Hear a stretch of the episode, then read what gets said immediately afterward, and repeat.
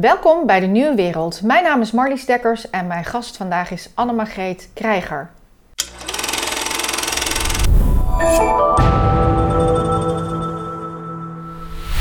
Welkom. Dankjewel Marlies. Ja, even dat we weten, wat doe je allemaal? Je bent apotheker, voorzitter leefstijlinterventie, leefstijlonderzoeker en bedenker van de term Diabetipering. Dank je. en in 2020 uitgeroepen tot leefstijlprofessional van het jaar. Ja, door de vereniging Arts en Leefstijl. Ja. Ik wil de vraag beginnen, maar jij zette iets op tafel. Dus laten we daar maar mee beginnen. Dit heeft te maken met, uh, met de diabetipering. Uh, dus misschien zullen we daar eerst Ja, over hebben. Is ja. dat leuk om... eh, nou, ehm, ik denk dat er wat inleiding behoeft. Ehm, diabetes is namelijk mijn eh, eerste aandachtsgebied waar ik helemaal ingedoken ben. En toen ben ik vanzelf op eh, leefstijl gekomen. En eh, als je bij diabetes... ik heb heel veel onderwijs gegeven al een aantal jaren. En op een gegeven moment dan ga je steeds dieper in, in de materie en denk je... Wat zijn we nou eigenlijk aan het behandelen?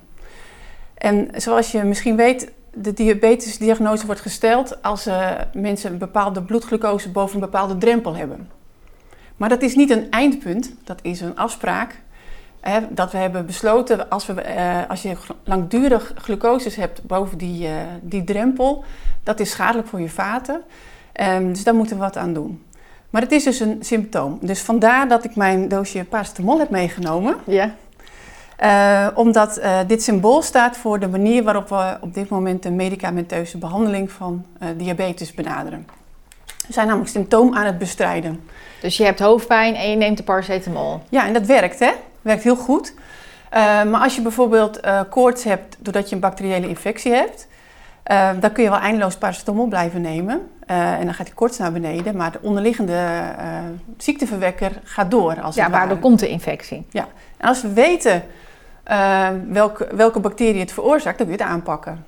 Nou, en dat is eigenlijk ook eh, wat diabetes subtypering is. Dus als je weet wat bij die persoon tegenover jou de oorzaak is van die hoge bloedglucoses, dan kun je de oorzaak aanpakken. Dus dan gaan we van symptoombestrijding naar eh, kijken of het gaat lukken om de oorzaak te benaderen. En is de oorzaak dan, ik eet te veel M&M's? Ja, nee, dit is, dit is mijn andere voorwerp. Want jij vroeg je al af waarom ik het had meegenomen. Ik laat me helemaal Ehm, verrassen. Ja, dit, is, eh, dit staat symbool voor de ehm, eh, grote groep mensen met diabetes type 2. Dat zijn er heel veel, hè? Want eh, ja, klopt. Het is ongeveer 90% van de mensen die de diagnose diabetes krijgen, hebben type 2 diabetes. Vroeger heette het ouderdoms. Ouderdomsdiabetes, het klopt. En tegenwoordig steeds meer jonge mensen die het krijgen. En ehm, die, dit is eigenlijk een hele ehm, heterogene groep die wij eigenlijk heel erg homogeen benaderen. Wat is namelijk heel lang, hoe ben ik ook opgevoed? Ehm, ik heb ook heel lang gedacht dat op het moment dat je, dat je die drempelwaarde overschrijdt van die, die eh, glucose, Glucose. dat dan eigenlijk iedereen met type 2 er hetzelfde aan toe is. Eh, ze hebben jarenlang insulineresistentie eh, ontwikkeld, zijn ongevoeliger geworden voor, de, voor insuline. En op een gegeven moment, als je alvleesklier niet meer voldoende insuline kan maken, dan ga je boven die drempelwaarde uit. Nou, en ehm, dat is dus wat diabetes subtypering is. Eh, het blijkt namelijk bij heel veel mensen verschillend te zijn. Eh, er is namelijk een groep, en dus misschien kan ik ze er even uithalen, namelijk haal ik de gele eruit Ja. als het ware zo. Ehm, die heeft eh, wel enorme insulineresistentie op het moment van de diagnose, maar helemaal niet een insulinetekort. Sterker nog, die hebben heel erg veel insuline, maken ze nog steeds aan. Dus Eh, dat deel van het lichaam werkt gewoon goed. eh, dat is aan het overproduceren. Oh, juist eigenlijk ook niet de bedoeling, ja, hyperinsulinemie. Want die zo, op die manier probeer je dan de, of probeert je lichaam die, die eh, resistentie te overstemmen. Om maar die bloedglucose naar beneden te krijgen. Ehm, maar dat is dus een groep die, die met name resistent is, maar waar dus geen tekort is aan insuline. Dat is niet de reden dat hun bloedglucose hoog is. Dan heb je ook een groep, zal ik de blauwe maar die eruit halen, een beetje visualiseren, Ehm, die dus hoge eh, bloedglucoses heeft, eh, maar ondertussen ook echt wel te weinig capaciteit nog heeft om een eigen alvleesklier om voldoende insuline aan te maken. En daartussenin heb je ook nog, maar dit zijn eigenlijk de twee uitersten. En, ehm, en ja, die, als je die nou kan identificeren en eruit halen, dan kun je dus veel gerichter kijken welke mensen hebben juist wel insuline misschien nodig. Hè? Dat zijn die mensen die echt niet meer voldoende kunnen aanmaken. En welke mensen ja, hebben geen baat bij nog meer insuline. Dan heeft je nog meer averechts. Ja, alsof je een alcoholist gewoon nog meer alcohol geeft. Dat is ja, dat, dat nou, uiteindelijk, het werkt wel kort eventjes. Uh, en, maar dan zus je zelf eigenlijk in slaap met ja, uh, ik ga nog meer insuline nog. En dan zak je eigenlijk steeds Maar dit is jouw vondst? Nee, zeker niet. Nee, zeker niet mijn vondst. Nee, maar jij hebt wel de, de, de bedenker van de term.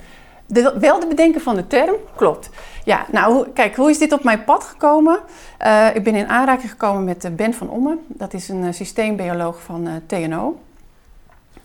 ik was al langer bezig met diabetes en en hij vertelde toen op een gegeven moment van, bij TNO weten wij hoe we in kaart kunnen brengen wat de mate van resistentie is van je lever, van je spieren en in hoeverre je alvleesklier nog goed uh, insuline afgeeft. Dus wij kunnen allemaal subtypes als het ware uit die groep halen. Nou, vond ik fascinerend. Ik denk, ja, daar moeten we wat mee. En zij zocht een, een eerste lijn zorgpraktijk om dat ook uit te gaan testen. En zo is eigenlijk het contact ontstaan. En ik heb eigenlijk de, de term diabetypering uh, bedacht, want uh, dat ligt wel lekker in de mond. Maar jij vond het heel moeilijk uit te spreken. ik durf het niet aan. maar apothekers zijn ook al een tijdje bezig met bijvoorbeeld uh, meer DNA, um, genotypering noem je dat. En daar hadden we net een congres over gehad. Dus ik vond dat diabetypering heel mooi kon aansluiten op genotypering. Maar toch even terug. Je bent een apotheker. Ik heb toch een heel ander idee bij de apotheker. Dus mijn apotheker is uh, recept, uh, die zo kijkt of voorraad heeft en die geeft het. En als ik ook maar iets vraag van, nee, niet uh, als, het, als ik geen recept heb van de huisarts, dan kan niks. Ehm, ja, er zijn korte gesprekjes, zeg maar, en meer een soort tussenschakel van, nou, de huisarts schrijft iets voor. zij hebben de voorraad en doen er een stickertje op. Dat is het idee wat ik toch al een beetje heb bij een apotheker. Dat, dat snap ik. En dat is, dat is iets wat uh, ons eigenlijk al heel lang ja, achtervolgt. Dat we niet meer zijn dan een doorgeefluik van, uh, van medicijnen. En uh, nou, daar ben ik althans niet apotheker voor geworden. ik, ben, ik vond het altijd heel erg leuk om te weten hoe, hoe werkt het nou precies. Um,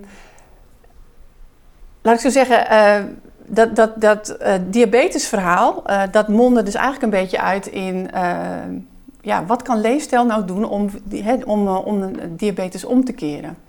En, um, nou, dat is wat het begint met diabetes door dit soort dingen te eten. Dus je hebt het als voorbeeld, maar ik bedoel dus door verkeerde voeding. Uh, krijg je, dat is echt de onderliggende oorzaak ja, van precies. diabetes. Want ik kwam, mijn, mijn conclusie was ook, um, uiteindelijk uh, met de meeste medicijnen zullen we het niet gaan redden met diabetes. Gaan we het niet omkeren. Want als je niks doet aan de oorzaak daarvan, dan ja, zak je gewoon steeds verder weg. Dus mijn interesse in leefstijl en de kracht van uh, leefstijlinterventies om dat om te keren, dat, dat vond ik mateloos interessant.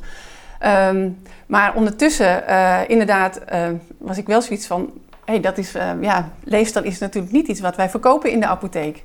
Nee, want jullie verdienmodel is natuurlijk gewoon medicijnen verkopen. Klopt, ja. En, um, en, ja, en zoals het nu is, en dat hou ik mezelf ook altijd voor, zoals het nu is. Zoals het nu is, verdienen we alleen wat aan de uitgifte van de medicijn. En ik denk dat wij als apothekers wel meer zijn dan dat. dat de arts voorschrijft en het doorgeeft. Um, ik denk dat je, als je beschouwt dat leefstijl het, meest, uh, of het beste medicijn is, vind ik dat het eigenlijk mag ontbreken in de apotheek. En, als we willen naar, een, uh, naar de gezondheidszorg in plaats van een ziektezorg, dan moet het heel logisch zijn dat je ook in de apotheek praat over gezondheid. En, en dat je een alternatief kunt geven voor die bloeddrukpil. niet voor alles is een alternatief. Ik bedoel, antibioticum heb je misschien echt nodig. Maar voor heel veel aandoeningen is, uh, is leefstijl een alternatief. En dat, dat moet je ook kunnen aanbieden, denk ik. Uh, in ieder geval het gesprek erover. Ik zeg niet dat we allemaal die mensen gaan coachen. Ik denk dat je een heel mooi, en dat is een beetje een droom die ik heb met meer apothekers. Wij noemen onszelf de leefstijlapothekers dat, dat de apotheek een gezondheidshuis kan worden in de wijk. Een soort loketfunctie waar mensen met een vraag terecht kunnen, maar vervolgens ook doorverwezen kan worden naar degene die jou kan ondersteunen als je die gezonde leefstijl wil doen.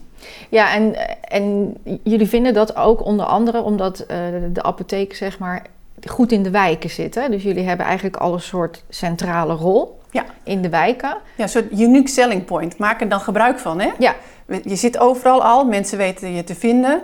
Uh, de lijntjes naar de andere zorgverleners zijn kort.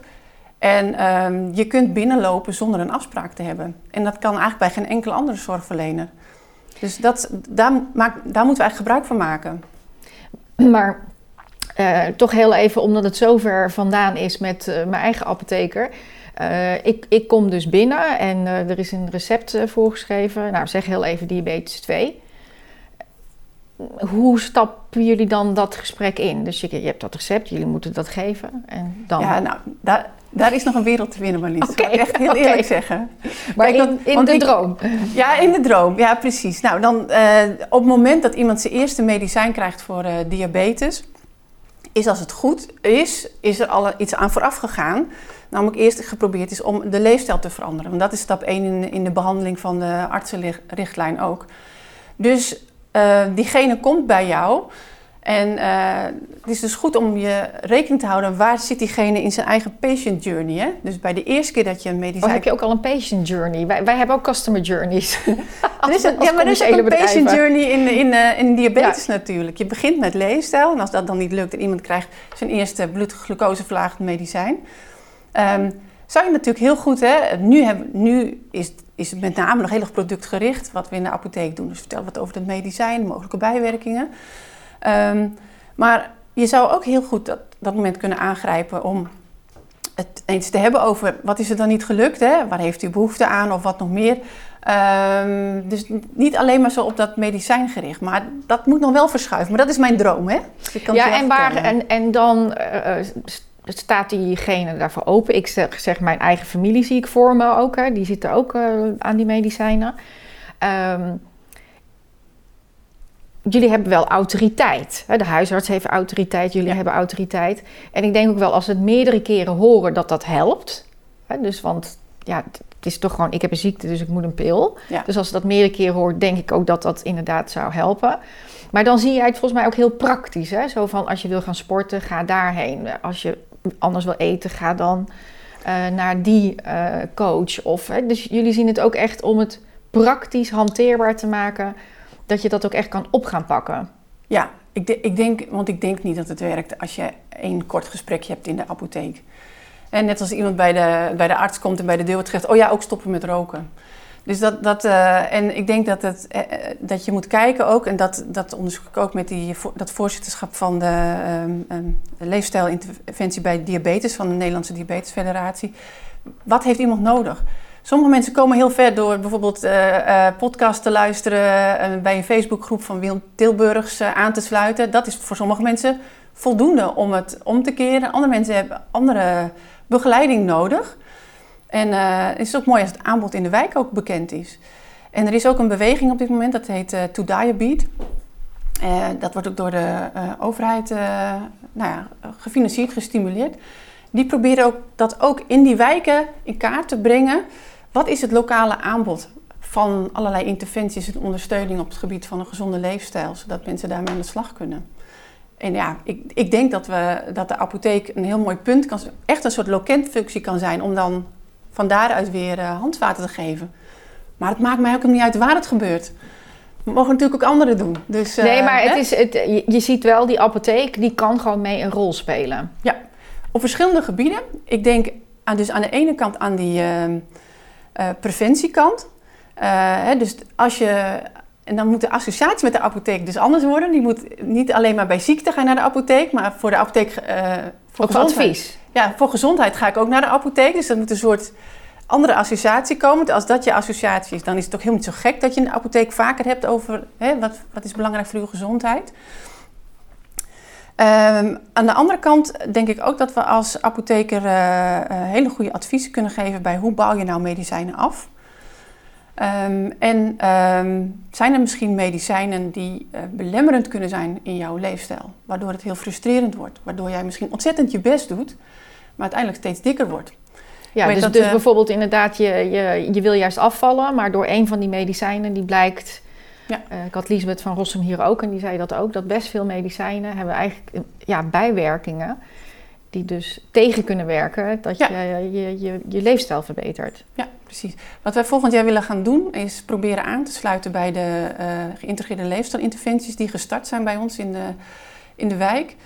En eh, dat mensen dan, na, eh, eh, nadat ze gestart zijn, hè, een eigen plan hebben gemaakt, eh, dat ze dan, als ze medicijnen gebruiken, ook eens even langs de apotheek gaan om te kijken hè, van ehm, ehm, gebruiken mensen misschien medicijnen die belemmerend zijn, die belemmeren in bewegen of die spierklachten geven of die misschien juist gewichtstoename geven.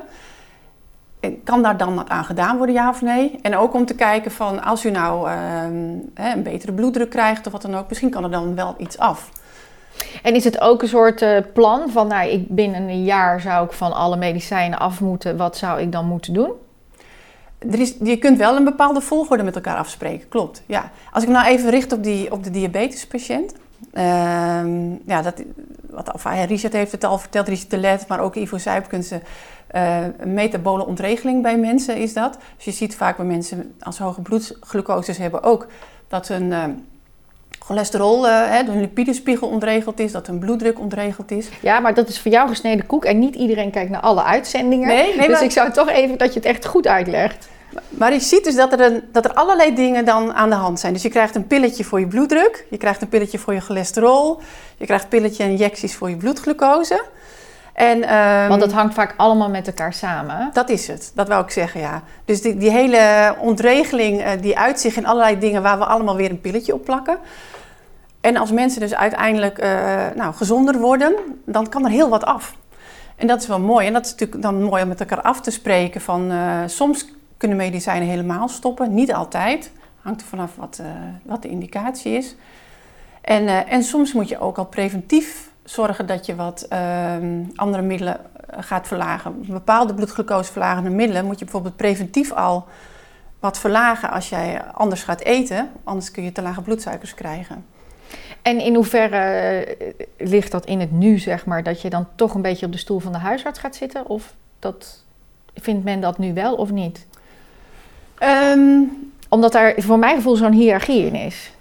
ja, dat hangt zo ontzettend af van waar je Zit. werkt. Ja, ik denk het echt. Ik denk eh, inderdaad in sommige regio's dat huisartsen denken, "Wa- wat kom je überhaupt doen? Ehm, dus ja, dan, eh, dan is het nog een lange weg om te gaan. Ja, wij werken zoveel samen met de huisartsen waar wij zitten. En die zijn juist blij. Ja, ja, Want die zien jullie juist als meewerkend aan de gezondheid Ja, van ja. de wijk. je vult elkaars kennis aan. En het is niet dat je van elkaar dingen ehm, afpakt of zo. Maar als je samen de patiënt centraal hebt, dan, eh, ja, dan draag je aan, daaraan bij. Dus ja, dat gevoel heb ik zelf niet, maar ik kan me voorstellen dat het soms wel ergens is. Ja, misschien denk ik gewoon dat dat zo werkt hoor. Dus ik, ik vraag het gewoon vanuit nieuwsgierigheid Ja, dat ja. ik dat dan denk.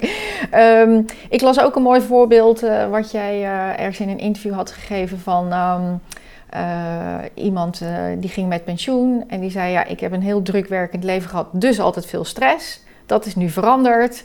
Nu lekker aan het tuinieren en doe leuke dingen. Kijk eens opnieuw naar welke medicijnen ik nu slik en wat kan er vanaf. ja, dat Ik is, zou het niet bedenken, maar ik vind dat dus wel een heel concreet voorbeeld. Waar jullie dus een rol kunnen spelen. Daar kunnen we een rol spelen, ja, klopt ja. Eh, ik heb zelf ook meegeschreven en mijn, ehm, ik werk in een apotheek waar we ook een onderzoeksinstituut bij hebben. En we hebben ook bijgedragen aan ehm, nou, landelijke protocollen, kennisdocumenten, die beschrijven hoe je bepaalde medicatie kan afbouwen. En in welke volgorde. Als je meerdere bloeddrukmiddelen hebt, welke, welke kies je als eerst, als het ware. Dus, eh, en dat speelt met name, je kunt het dus hebben omdat je gezonder gaat leven. Het kan ook zijn omdat je ouder wordt en je behandeldoelen verschuiven. Eh, Wat is een behandeldoel verschuift? nou, bijvoorbeeld eh, moet die glucose nog zo ontzettend strak gereguleerd zijn als je 80 plus bent? Hè, is, ehm, eh, haal, je, haal je dan nog steeds die effecten op je voorkomen van vaatschade? Of krijg je meer risico's omdat je meer kans hebt op te vallen, omdat je lage bloedsuikers krijgt? Dus je ziet dat de behandelrichtlijnen voor mensen boven de 70, zeker als mensen dus kwetsbaar worden of een hele korte levensverwachting, dan ga je anders, dan ga je anders eigenlijk, eh, dan wordt het allemaal wat minder strak omdat je dan, eh, de, de risicokant wordt veel groter en dan, eh, dan kun je dus ook bepaalde medicijnen wat gaan minderen. Dus dat, kan ook, dat kan ook een reden zijn om af te bouwen. Ja. Ja, maar je bent echt van uh, uh, innovatie. Uh, je bent echt een voorloper op dit. En je geeft ook les. Je noemde het zelf ook al. Ja. Je geeft ook les aan de andere apothekers. Om, ja, volgens mij ze te bevlogen te maken op dit idee. Ja, dat was wel even een puntje. Want ik, ik geef al lange tijd les over farmacotherapie bij diabetes. Hier aan de master in Leiden. En ook aan de vervolgopleiding voor apothekers. En op een gegeven moment kwam ik tot de ontdekking van, hé, hey, wacht eens even. Bepaalde medicijnen die we dus geven, uh, ook bij de behandeling van diabetes, maken het voor sommige mensen alleen maar erger. Oeh, hoe ga ik hier nou richting aan geven? Hoe kan ik nou dit... Hè, ik kan niet en dat meer... is eigenlijk dit verhaal waar je op, op Ja. stuitte. Ja. En, ja, precies. Want voor deze mensen, die hebben misschien juist wel insuline nodig. Terwijl die andere mensen die zelf al zwemmen als het ware in hun eigen insuline, hebben juist niet nodig. Nou ja, ik vind Maar het toch heel even, eh, vanuit een onwetendheid waarschijnlijk. Maar ik zou dan denken, hoe weet jij dat als apotheker? Want mensen die dus eh, dat niet bij werkt of erge klachten krijgen, gaan naar een huisarts. Ja, dat klopt. Maar dat kwam door dat project dat we met Ben van Omme hebben gedaan in onze eerste lijns praktijk over het diabetes subtyperen. En daar was ik de projectleider. Oké, dus vandaar dat je die informatie niet vanuit je ervaring bij de apotheker. Nee, allemaal eh, eh, zelfstudie en eh, nadenken en hoe zit het en willen weten hoe zit het nou precies. En gefascineerd raken door, ja, die, kunnen we het nou nog persoonlijker maken en beter maken, die, die behandeling. Ja, en op dit moment is het nog, is het te doen om dat te bepalen, alleen het wordt nog niet gedaan, landelijk. Want wat moet je dan anders doen? Hè? Je moet toch Dan die moet je eigenlijk dus bij mensen een, ehm, een insulinebepaling doen. ochtendinsuline. Ehm, ja, je, ja, precies. Het, het project dat wij hebben gedaan was een hele uitgebreide test. Maar dat is heel erg lastig om dat voor iedereen te doen. Ehm, en misschien ook niet nodig. Ehm, dus als je nou alleen al nuchtere glucose vergelijkt met een nuchtere insuline of een nuchtere C-peptidewaarde, en dan zul je misschien vragen wat is het verschil? Nou, insuline ligt in je alvleesklier opgeslagen eh, als pro-insuline en dat splitst in C-peptide of insuline. Eén van die twee kun je meten.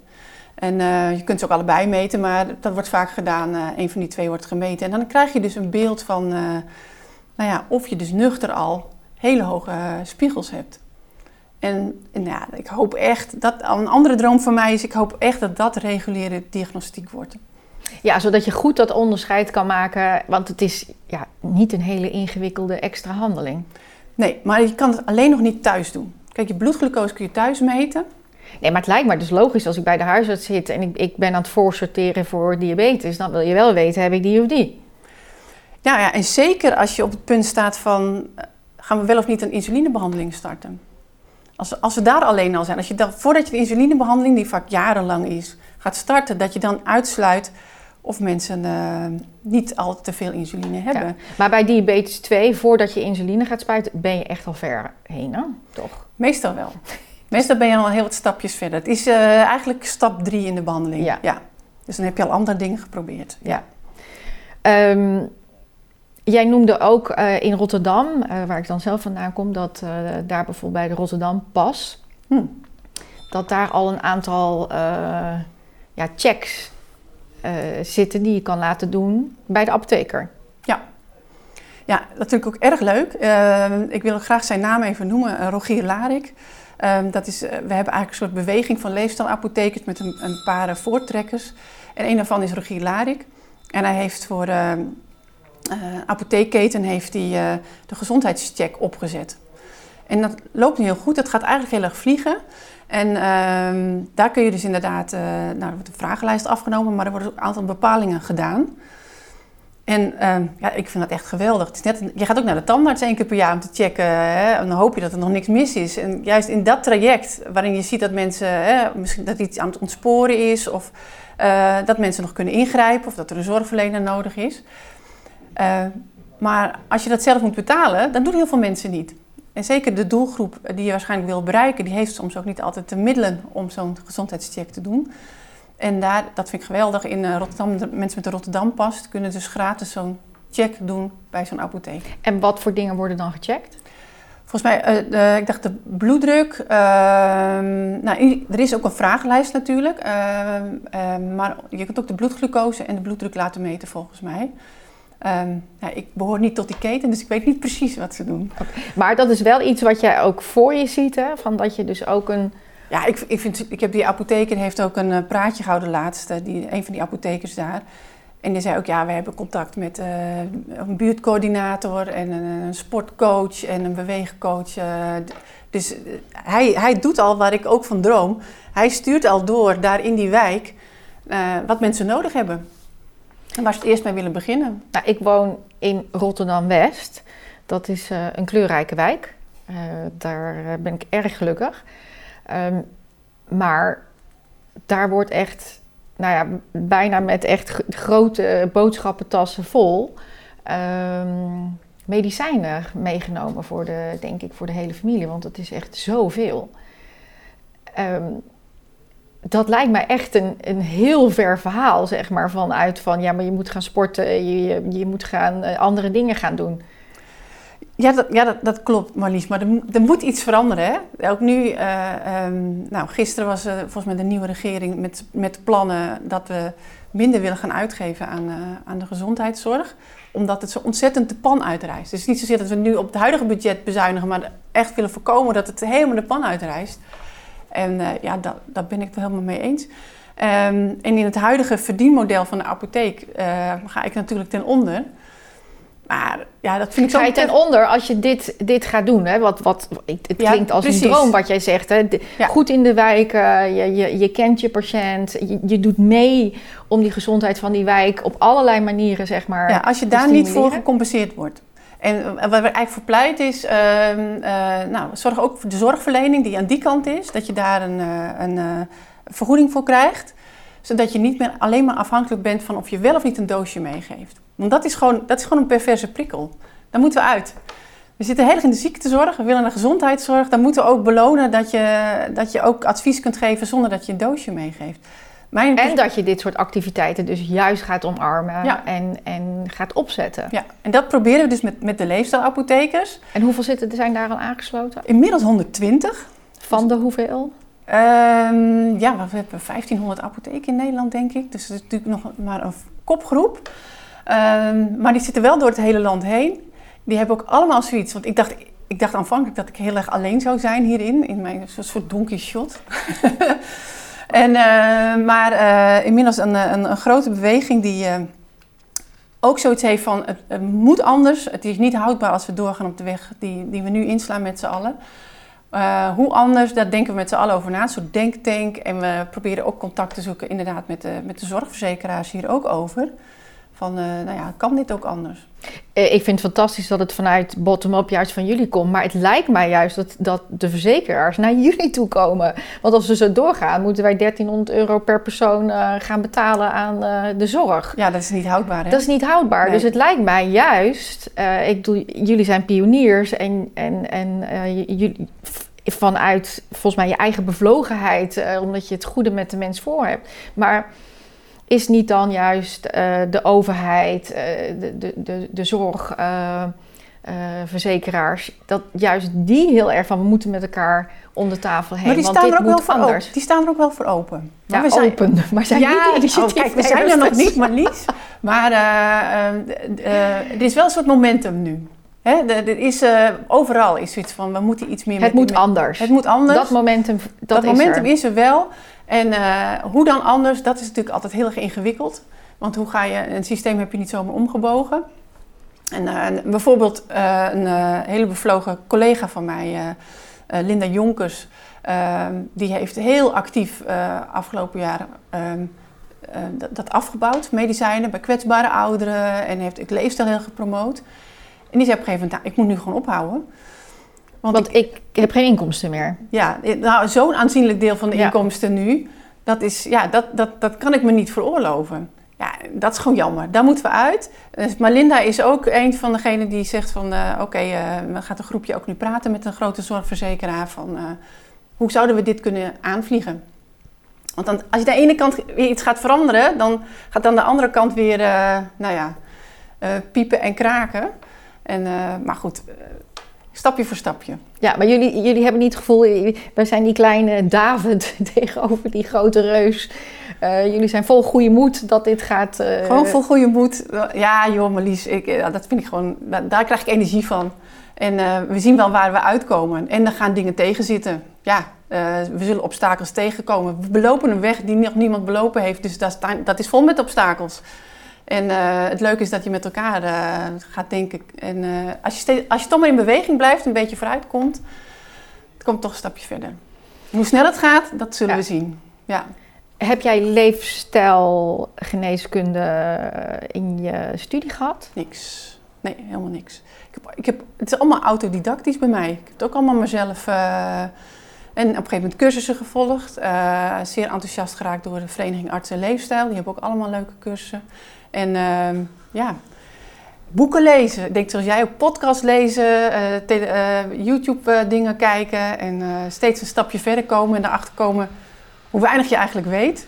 Maar zit daar dan ook niet zeg maar een, nog iets wat we kunnen veranderen? Dat het dus wel in de opleidingen, ja. dat het daar ook landt. Want anders blijven we mensen die alleen maar in... medicijnen kunnen absoluut heel goed zijn, maar dat je ook weet er zijn ook nog andere wegen. Of je moet ook op preventie inzetten. Ja, dus het, moet dus ook, ook, in die, in die scholing komen. Klopt, klopt. Ik, van de universiteit weet ik het gewoon nog niet. Uh, maar er is wel bij, als apothekers één keer klaar zijn, dan uh, volgt een soort vervolgopleiding. Dus de apothekers die in de reguliere apotheek, de openbare apotheek gaan werken. Um, en die vervolgopleiding die wordt nu herzien. En daar komt ook zeker aandacht voor nou, gezond te blijven in. Niet alleen van de patiënt, maar ook van de professional. Dus dat is ontzettend leuk. Dat, dat wordt nu nog ontworpen. Dus Hoe bedoel je niet alleen van de patiënt, maar ook van de professional? Nou, dus degene die de zorg verleent, uh, dat die ook niet burnt-out raken. En uh, het is natuurlijk heel leerzaam ook als je zelf leert om een gezondere leefstijl aan te houden. Dan kun je natuurlijk ook heel goed het gesprek aangaan met diegene tegenover je. Dus dat is ook een onderdeel. Want, nou ja, dat weten we ook allemaal, stress is een heel groot deel van de maatschappij tegenwoordig. En uh, hoe ga je daarmee om als uh, jong afgestudeerde apotheker? Dus daar komt het zeker in terug. En ik hoop ook dat het in de opleiding farmacie meer komt. Ik weet wel al dat er in heel veel medische opleidingen al, al veel meer um, een, een, een, plek gereserveerd gaat worden voor uh, de leefstijlgeneeskunde. Ja, het is echt iets nieuws. Hè? Dat, het is in principe een oude kennis die we natuurlijk als ja. mensheid hebben. Ja maar die we een beetje vergeten zijn. Die een beetje vergeten zijn en die toch wel weer terugkomt nu. En uh, daar heb ik toch wel goede hoop op. Uh, ja. ja. We zijn heel even 30 jaar verder en het is gelukt. Hoe ziet het eruit? oh, dat is een leuke. uh, Nou, dan, dan zie ik al helemaal voor me dat, uh, dat je eigenlijk uh, je jaarlijks naar de apotheek, uh, een beetje dromen hè? Je gaat jaarlijks naar de apotheek. Het, is gelukt, het is, we zijn ja. 30 jaar, het is gelukt. Precies, en je, gaat, je bent jarig, zal ik maar zeggen. En zeker boven een bepaalde leeftijd, dan gaan we gewoon naar je jaarlijkse check-up even in de apotheek. En dan ga je een, een aantal dingen invullen die die met positieve gezondheid te maken hebben, dus ook met je welzijn, maar je kunt ook een paar metingen doen. En als je ziet dat je op bepaalde gebieden um, nou, een beetje ontspoort, dan krijg je een soort menukaart van, van het aanbod. En wat, wat, wat past er bij jou? Hè? Ben je voor jezelf bezig? Wil je graag in een groep bezig? Wil je iets in de wijk? Dus zo, dat zie dat ik daar. community is dus ook heel erg belangrijk, hè? Dus toch? Ja, ja ik zie echt de apotheek als, als, het, als community. Als, als, het gezondheidshuis in de, in de wijk. Waar je heen gaat, het is vanzelfsprekend dat je daar dan heen gaat voor je voor je preventie. En jij, ook die laag, jij wil ook juist laagdrempeliger misschien dan naar de huisarts? Ja, dat, dat zijn we nu al, omdat je bij ons binnen kan lopen zonder afspraak. En, ja, in, ehm, in, in, mijn hoofd niet hoor. Ik moet een recept hebben. Met je recept? ja, en daar moet je dus vanaf. Je hebt niet alleen een receptje nodig. Nou ja, je hebt, je hebt trouwens ook wel een paar... Uh, uh, van Kemenaar heeft volgens mij ook over de leefstijl op recepten. Dus... Uh, en dat zou natuurlijk ook grappig zijn dat je recept krijgt voor een leefstijlgesprek. Maar het mooiste is natuurlijk als, je dat, als het logisch is dat je daarheen gaat voor je gezondheid. Dat zou ik echt heel leuk vinden. Mijn ene droom, hè? Ja. En mijn andere droom is dat alleen die mensen uh, met diabetes die echt insuline nodig hebben, het ook echt krijgen. En uh, dat het echt als een soort last resort gebruikt wordt voor die mensen die veel te veel insuline aanmaken. Dus dat die diagnostiek bij diabetes verfijnd wordt. Ja, en heel dat het heel normaal, is, dat, je, beide ook- meet, glucose en insuline. Ja, als dat heel normaal is, top. Dan eh, ben ik helemaal blij. Het is helemaal geen ingewikkelde meting. Eh, nee.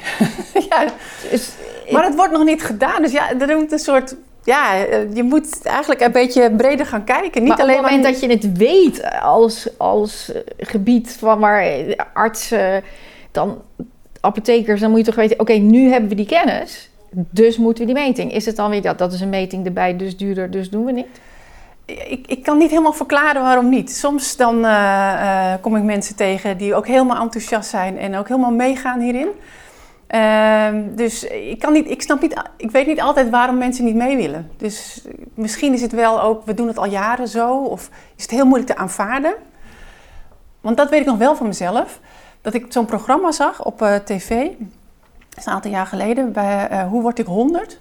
En er waren een aantal patiënten die konden binnen enkele dagen stoppen met hun eh, insuline spuiten. En dan dacht ik, nou, maar dat, dat, dat kan niet. Dat is voor tv. Dat geloof ik gewoon niet. Dat, dat, dat kon ik niet, dat Nee, kon ja, mijn ja. brein niet aan. Ja, Ik was wel getriggerd. Daarna dacht ik, hoe zit dat dan precies? Dus dat heeft wel, is wel de aanleiding geweest dat ik veel dieper ben gaan kijken. En Wim Tilburg, die jij op bezoek hebt gehad, die zijn eigen diabetes heeft omgekeerd, die zei ook van, eh, ik heb, kom binnen een paar dagen stoppen met mijn insuline. Nou, dat, dat vind maar is het dan inderdaad, je, je bent zo opgeleid, je bent zo getraind, je hebt het zo gewoon altijd gedaan, dus dan is het, dat kan gewoon niet. Ja, volgens mij, dat, dat kan je niet aanvaarden. Ja. Dat, dat, dat, is, eh, volgens mij, dat, dat heeft even tijd nodig. Want het is, als, je, als je mantra is, het is een chronisch progressieve ziekte. En iemand zegt maar kan het omkeren. Dan denk je, ja, ja, nee, maar wacht, dat klopt niet. Dus eh, dat, ja, dat moet dan even sudderen, heeft tijd nodig. Hoe zit het dan precies? En, eh, en er dan ook achter komen dat het ook niet voor iedereen om te keren is. Maar voor sommige mensen wel. Voor een groot deel wel. Dus eh, Nou, Ja. laten we hopen dat we eh, niet over 30 jaar, maar misschien over 10 jaar daar al zijn. Ja, diabetes is ook zo'n ehm, eigenlijk zo'n zo'n epidemie die, die zo'n enorme opmars maakt. We hebben nu allemaal de focus op corona, maar diabetes is ook iets wat we echt niet willen dat eh, dat, dat nog meer toe gaat nemen. Dus Weet jij de cijfers of niet? Die weet ik niet uit mijn hoofd, nee. Maar het zijn er echt heel veel. En heel veel ook pre-diabetes. Prediabetes, ja, want Dus die eigenlijk eigenlijk onderliggende zijn. is insulineresistentie. Dat hoeft niet allemaal uit te monden in diabetes. Dat is nog veel groter. Dus ja, dat, ehm, als, als, we, als we daar een trendbreuk kunnen krijgen. Nou, Ja, maar dat is natuurlijk toch door leefstijlinterventie. Dat is door Ja. anders te gaan eten, gaan bewegen, minder Ja. stress, goed slapen. En zoiets omstreden als het nu wordt voorgesteld als een, eh, als een suikertax. Ja, ja. Waardoor de omgeving minder eh obesogeen wordt. Hè? Dus ehm, ja, ik vind het ook wel moeilijk hoor, dat, dat van de overheid zoiets wordt opgelegd. Aan de andere kant zie je dat... eh, Nou, nu in Nieuw-Zeeland is bijvoorbeeld, eh, wordt, wordt sigaretten verboden. Nou, Ja. ik, ik, ik zeg al heel lang, weet je, waarom zijn die dingen er überhaupt? Maar als het dan echt zo verboden wordt, vind ik toch ook weer wel eh, even eh, slikken. Ja, ik ook. Ja. Ik weet op een paar jaar geleden toen is, is bij ons besloten dat we geen koekjes meer kregen bij de koffie, maar dat er een fruitmand werd aangeschaft. Ik, ik heb de laatste paar koekjes weggehaald. Ik dacht, ik ga, ik ga mijn... eh, eh, Ja, je gaat muiten erop. Je, Ja, wordt, je ja. krijgt dus iets baldadigs. als iemand op bezoek komt, ga ik toch niet eh, een banaan bij de koffie? Maar dat doe ik nu wel. Maar, dus dat heeft ook tijd nodig, denk ik. En, en ik denk dat zo'n suikertax, dat heeft het wel laten zien in de landen waar het is, dat mensen echt veel minder suiker innemen. Dus, nou ja, moet het met z'n allen doen. Ja. En ik doe een heel klein beetje. Nou, Annemegreet, ontzettend bedankt en eh, heel mooi je bevlogenheid te zien op eh, dit eh, vakgebied. Dankjewel Marlies.